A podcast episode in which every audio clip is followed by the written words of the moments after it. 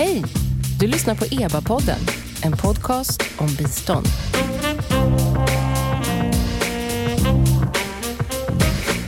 Hej och välkomna tillbaks till EBA-podden. Jag heter Noomi Östlund och den här podcasten ges som vanligt ut av Expertgruppen för biståndsanalys.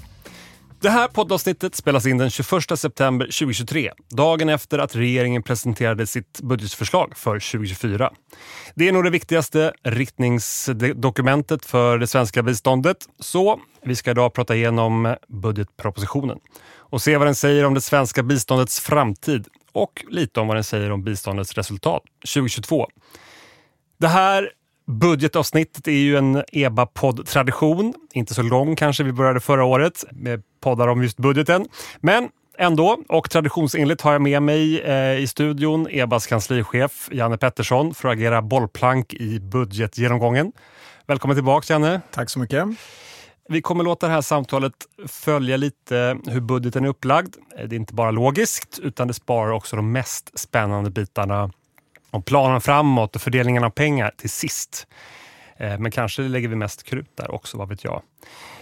Men kort bara, allmänbildning. Ehm, det är säkert flera som har lyssnat på avsnittet förra året, men ändå bara sådär budgetpropositionen, lite snårigt. Vad är den? Om vi bara tar det basics. Janne, du kan väl dra den? Jag kan väl dra den och säga att budgetpropositionen eller budgetproppen eller BPn, eh, kärt barn har många namn som bekant, eh, är ju regeringens eh, fråga kan man väl säga till riksdagen. Där man säger att eh, det här är de pengar som vi vill använda i år och det här är det vi vill göra med dem. Får vi det? Det är väl kort. Ja, eh, kort. Ja. Och, och så är den uppdelad då efter politikområdena grovt, så att det finns 27 stycken så kallade utgiftsområden. Och eh, det vi ska titta på nu, det är ju ett av dem, nummer sju, som är biståndet. Precis. Och eh, regeringen kommer med ett förslag om hur mycket pengar de vill använda, vad de ska, lite grovt vad de ska användas till och eh, för att motivera det så säger man eh, någonting om biståndets resultat förra året. Alltså det är en, en resultatredovisning och sen en, en framåtriktande del. Så vi kommer gå igenom dem allihop helt enkelt eh, och se vad det finns för spännande saker inom varje avsnitt. Och vi börjar i det spännande avsnittet omfattning som ju är den delen som ger oss de stora summorna. Vad, grovt fördelat lades biståndet på förra året och, och ska läggas i 2024 och, och också åren framöver. Det finns en prognos. Vad, vad är de spännande delarna i omfattningsavsnittet? Åh, oh, det finns mycket spännande men, men jag tänker, kan vi börja med att säga någonting också om att den här budgetpropositionen propositionen skrivs i ljuset av att regeringen har annonserat att man ska ändra väldigt mycket i biståndspolitiken. Man har annonserat en reformagenda. Och den är inte publicerad ännu. Och den eh, gissningsvis kommer beslutas någon gång under hösten, senhösten. Så det gör ju att här finns det liksom beskrivningar och någonting om en politiks inriktning som vi inte riktigt vet hur det någonstans kommer motiveras.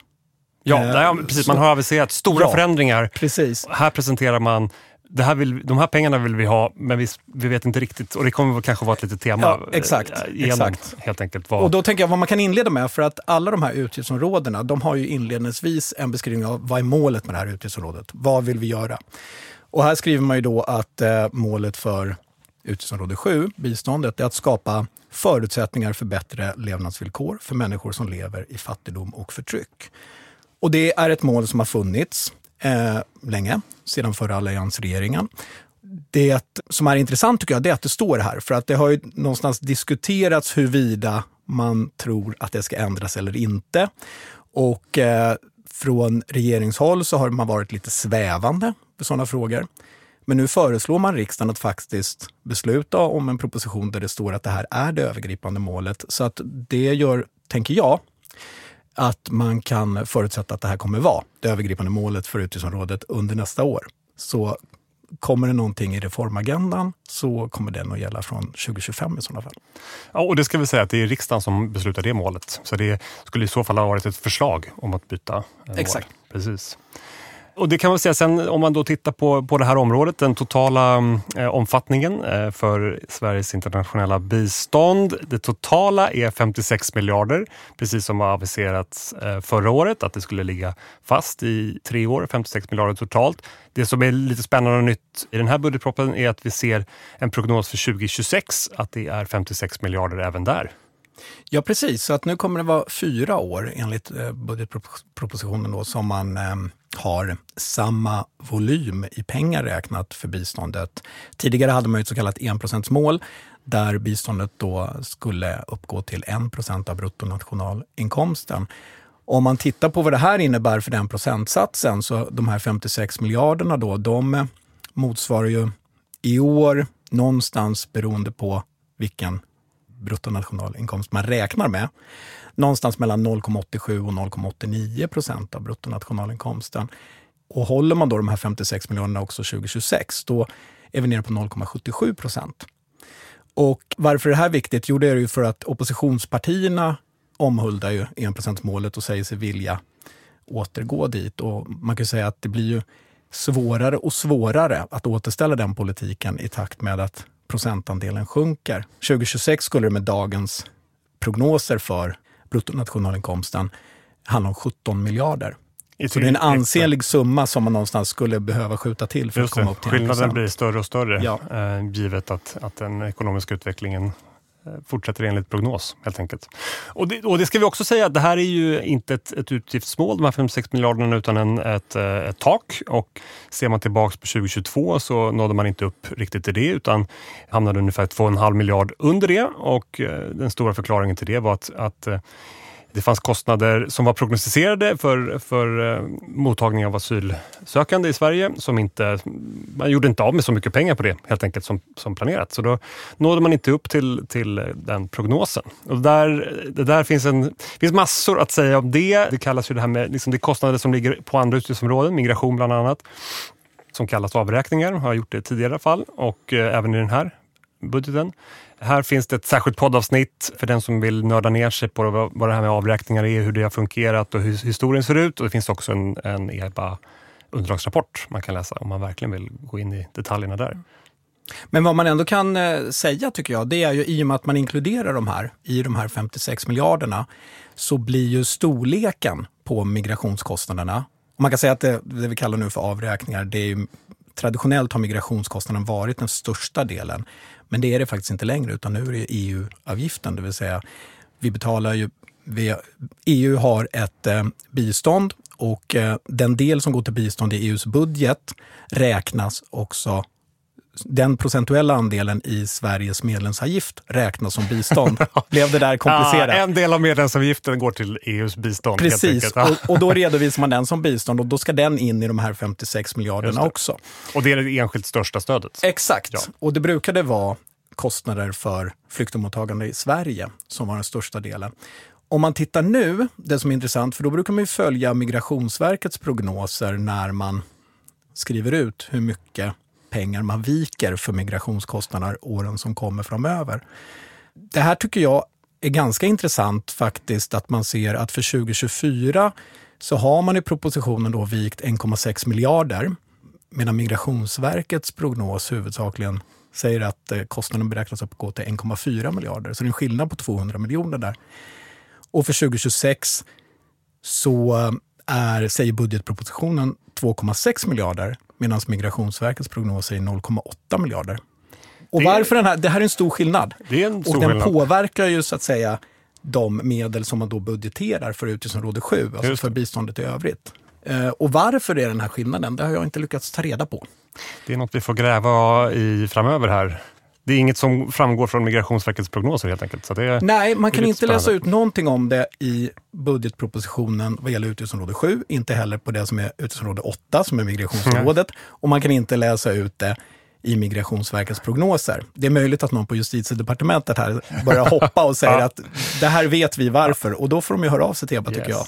Men det, och det man kan säga, för att knyta tillbaka det till, till de pengarna som går till bistånd och hur de fördelas så kan man säga att biståndet eh, i utgiftsområde 7, internationellt bistånd, som man bortser från de här avräkningarna, det är alltså 48,6 miljarder. Så det är en, fortfarande en ansenlig summa helt enkelt. Ehm, nästa del är ju resultatredovisningen och det är egentligen två huvudsakliga avdelningar. Det är dels en, en, en resultatredovisning där man går igenom avsnitt för avsnitt en, genom en, utifrån en viss struktur, ett antal olika egentligen prioriterade områden och så beskriver regeringen vad som har gjorts inom det området och ett antal resultat. Och sen så ett, ett avsnitt som är regeringsbedömning där man också säger om man tycker, vad man tycker om det här och analys av vad som var bra och dåligt helt enkelt. Här kommer vi tillbaka till det här med eh, regeringens aviserade resultatagenda för den här resultatstrukturen utgår från det som fanns tidigare. Så att här får vi anta att det kommer bli något nytt framöver men det är en struktur som vi i alla fall känner igen oss i väldigt mycket sedan tidigare kan man säga. Det är Ukraina, ja. humanitärt bistånd, demokrati, jämställdhet, miljö, klimat, fred och inkluderande samhällen, handel, ekonomisk utveckling, migration, global hälsa, utbildning och forskning. Just. Och eh, vi ska väl inte gå in på alla de områdena Nej. kanske, men vi kan väl Då blir det en lång podd.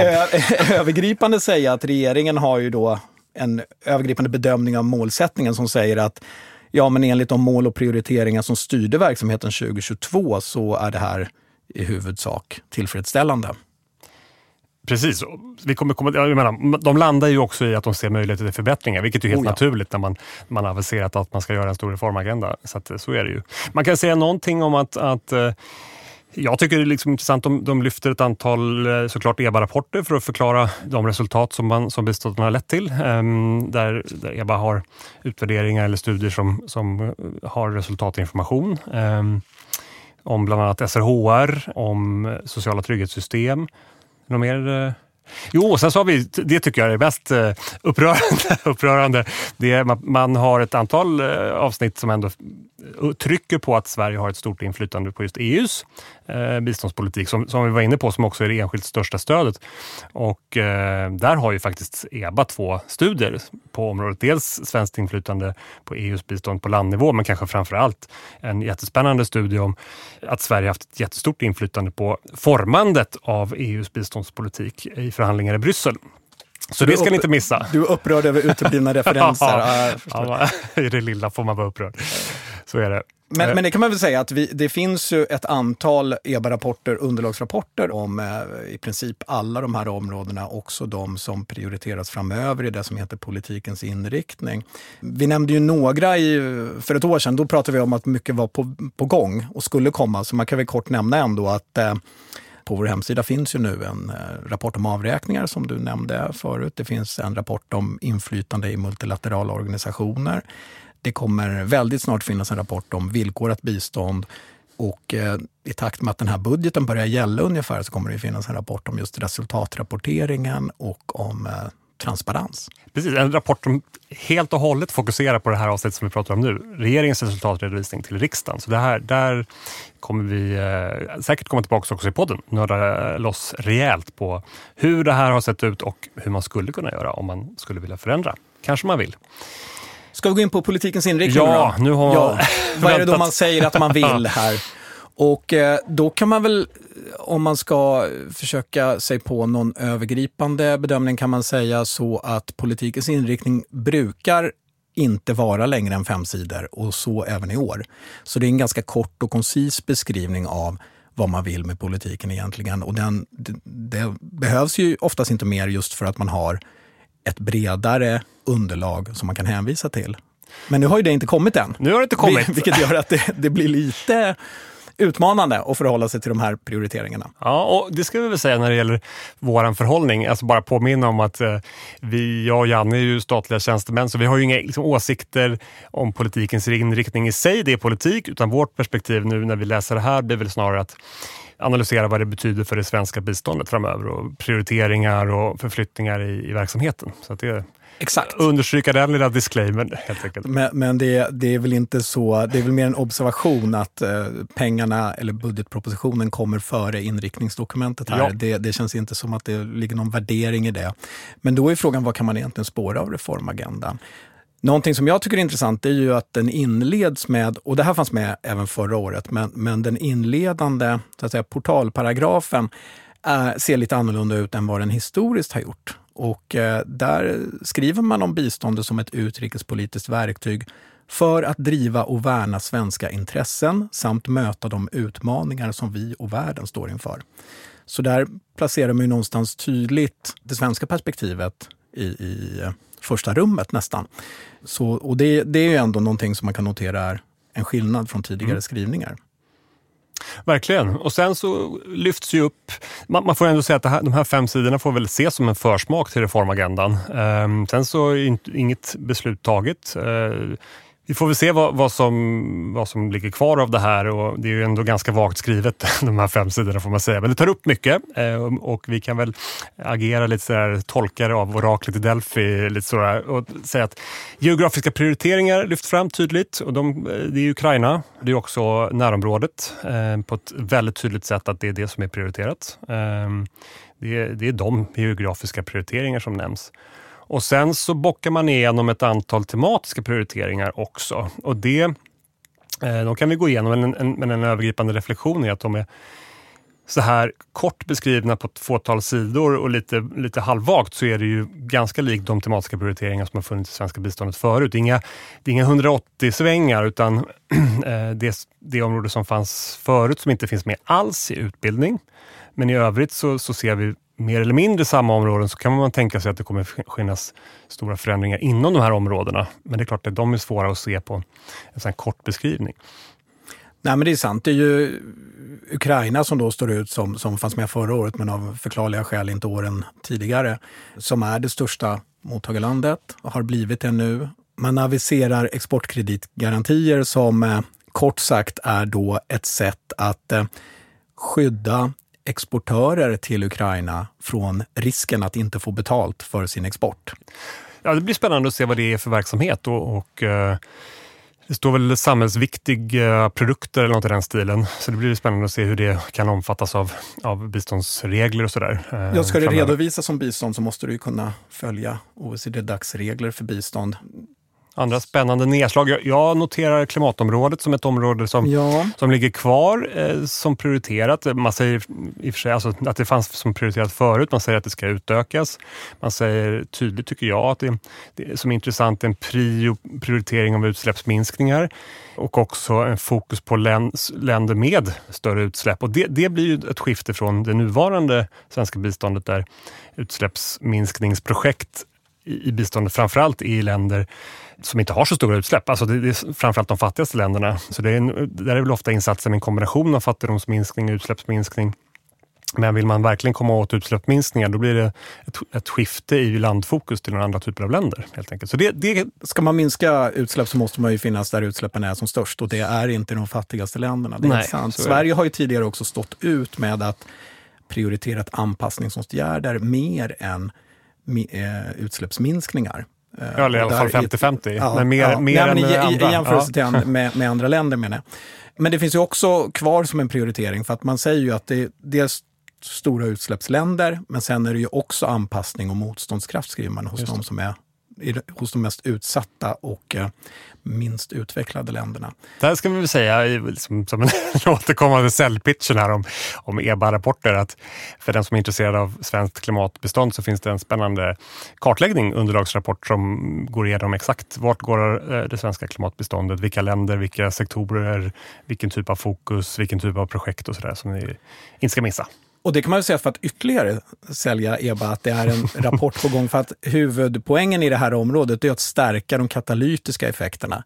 Och där har EBA på gång en utvärdering av både Sidas arbete, Swedfunds arbete och Nordiska utvecklingsfondens arbete med att eh, jobba katalytiskt, det vill säga med att mobilisera resurser från annat håll som Precis. verkligen ska göra skillnad. Och specifikt på just det här området, utsläppsminskningar. Exakt. Så det blir högrelevant i början av, eh, början av nästa år kommer den.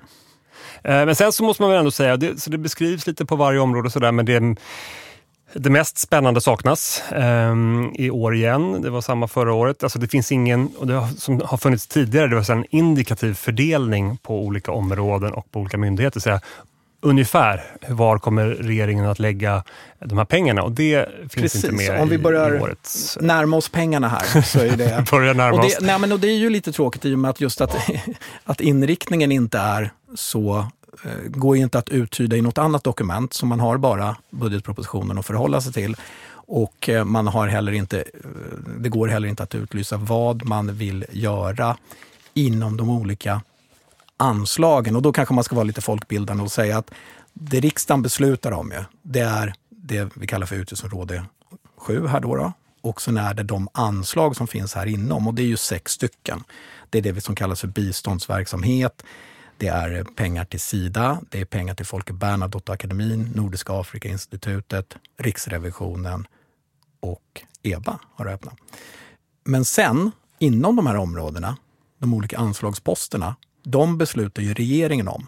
Och det är där man gärna vill ha en indikativ fördelning ja, så att man och, och får en känsla för var pengarna Ja, och framförallt är det ju det första anslaget, anslag 1, biståndsverksamhet, för det är 46,6 miljarder. Så det är där pengarna ska fördelas och det är där man undrar. Och, så där har vi ingen indikativ fördelning och där kan man också nämna att att ett annat sätt att förstå hur pengarna kommer att kommer att läggas, det är att titta på de regeringsbeslutade eh, strategier som styr biståndet. Och de är, ligger ju i en bilaga till budgetproppen. Där kan man bara notera att en väldigt stor andel av dem går ut i år, 2023. Så jag tror att det är hälften av de tematiska strategierna som, som fokuserar på särskilda typer av områden. Det är eh, nästan hälften av de multilaterala strategierna och, och ett gäng eh, såna bilaterala land och regionstrategier. Så att, Ehm, ja, eh, vi sa förra avsnittet att eh, då, den budgeten var temat lite, vi, vi får se vad som händer. Och det är fortfarande vi får se, men vi har kommit närmare Nej, men det är sant att först måste den övergripande inriktningen måste ju fastslås i ett eh, beslut om reformagendan. Och sen så kommer ju då politikens genomförande mejslas ut då i det som är anslagsposter, kommande strategier och de regleringsbrev som man ger till myndigheterna. Så att eh, där är det ju helt enkelt ett vänta och se. Ja, det är vänta och se blir temat eh, lite grann även i år. Även om det, det finns betydligt mycket mer eh, än förra året, eh, vilket man kan förstå. Då var, eh, var det, hade ju, eh, var precis eh, en ny regering då, så att, eh, då hade man bara ett par veckor på sig att skriva en, en budget och nu eh, har man haft ett år på sig.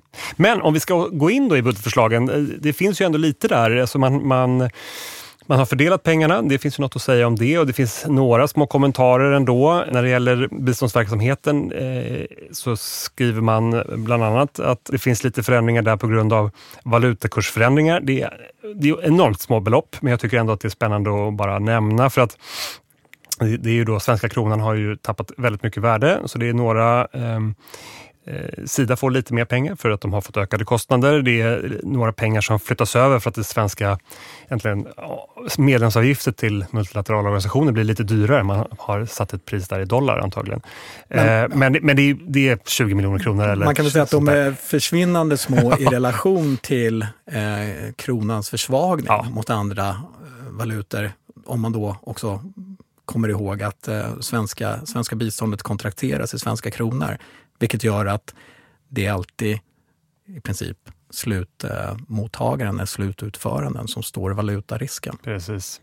Ja, och det, det betyder ju egentligen och Det har vi också en EBA-rapport Det om, finns också en EBA-rapport och en EBA-podd också för den delen. Eh, så det, det ska ni verkligen läsa mer om. Och det är klart att det, det är ett enormt hål som har skapats på grund av den svaga kronan de senaste ett, två åren. Ehm, som inte nämns överdrivet mycket i övrigt. Ehm, sen ska man väl ändå nämna också en utökad garantiram Sida har ju ett garantiinstrument som Janne var inne på förut. Eh, man utökar den till 26 miljarder. Det finns en, en tydlig eh, liksom, syn på att det här är ett, ett viktigt och eh, användbart instrument.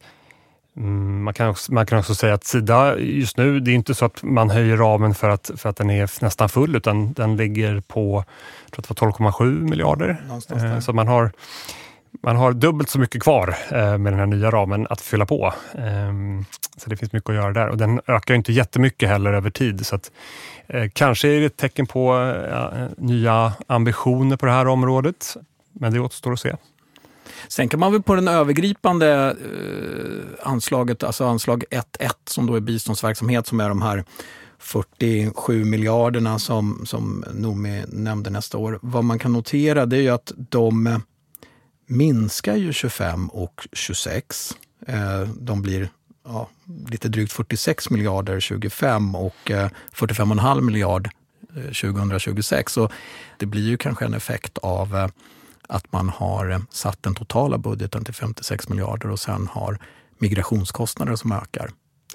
Ja, jag säga prognostiserade, men... Det är prognostiserat allting, det är självklart. Ja. Och det är inget som beslutas förrän i nästa års Nej. budgetproposition heller. Men, men det, det, är, det hade varit intressant tycker jag att se ett resonemang kring den prognostiserade minskningen för ja, biståndet. Absolut. Ja, men som, som du var inne på i början också, att det inte är helt lätt att förstå var de där prognoserna kommer ifrån. Så det vore spännande. Eh, kanske vi kan återkomma till. Men om man ser på fördelningen av de pengar som finns eh, för nästa år här då som ändå sticker ut lite, det är ju att Swedfund får en betydande kapitaltillskott igen. En, dels en miljard allmänt och sen 460 miljoner i en specifik satsning på just klimatinvesteringar. Så det, det, är en rejäl ökning av deras eh, medel för investeringar och eh, som sagt just, just klimat, deras klimatportfölj tittar vi eh, på och kommer återkomma kring framöver. Det blir spännande. Sen är det de olika förvaltningsanslagen och där får man väl säga att där händer det väldigt lite. Det är inte så att man kan se några, några stora förändringar där utan de ligger i princip kvar och sen så det som sker är att, att de räknas upp med beräknade kostnadsökningar och, men också att det ges en det görs en generell besparing på 1% på allas förvaltningsanslag och det är ju inte specifikt för biståndet utan någonting som gäller i princip alla myndigheter. Så där händer det inte mycket. Nej. Nej. Så det är tillbaka till temat. Vi ser inte så mycket av den nya politiken ännu i medelstilldelningarna. Nej, det är väl eh, som du sa tidigare, att det är vänta och se är väl liksom eh, slutsatsen av den här mm, budgeten. Ja, igen. Spännande. Mm. Ja, det... Men det blir desto ja. mer spännande nästa år. Då. Ja, och det, jag tror att så här, vi kanske kommer kunna få återkomma med dels ett avsnitt om reformagendan när den är beslutad såklart. Det, det kommer att bli ett, ett, eh, väldigt viktigt beslut för hela det svenska biståndet framöver. Så det, det kommer vi återkomma till och sen så eh, kanske också med tanke på att det är så många strategier som ska beslutas och kanske ganska mycket av, av riktningen som sätts i regleringsbrev framöver. Så jag tror att eh, under hösten så kommer det vara ett antal eh, poddar om styrningen eh, och prioriteringen av svenska biståndet. Ja, med det sagt kanske vi ska runda av. Ehm, vi säger så. I vanliga fall brukar jag tipsa om att gå in på EBAs hemsida för att läsa den eller de spännande rapporter vi pratat om. Budgetproppen ska ni inte missa. Den finns att läsa på regeringens hemsida. Leta efter utgiftsområde 7, internationellt bistånd. Men på EBAs hemsida, eba.se, hittar ni ju alla de rapporter vi har nämnt under samtalet och många därtill. Och seminarier om dem och poddar och så vidare. Jag heter Noomi Östlund och tack för att ni har lyssnat på EBA-podden.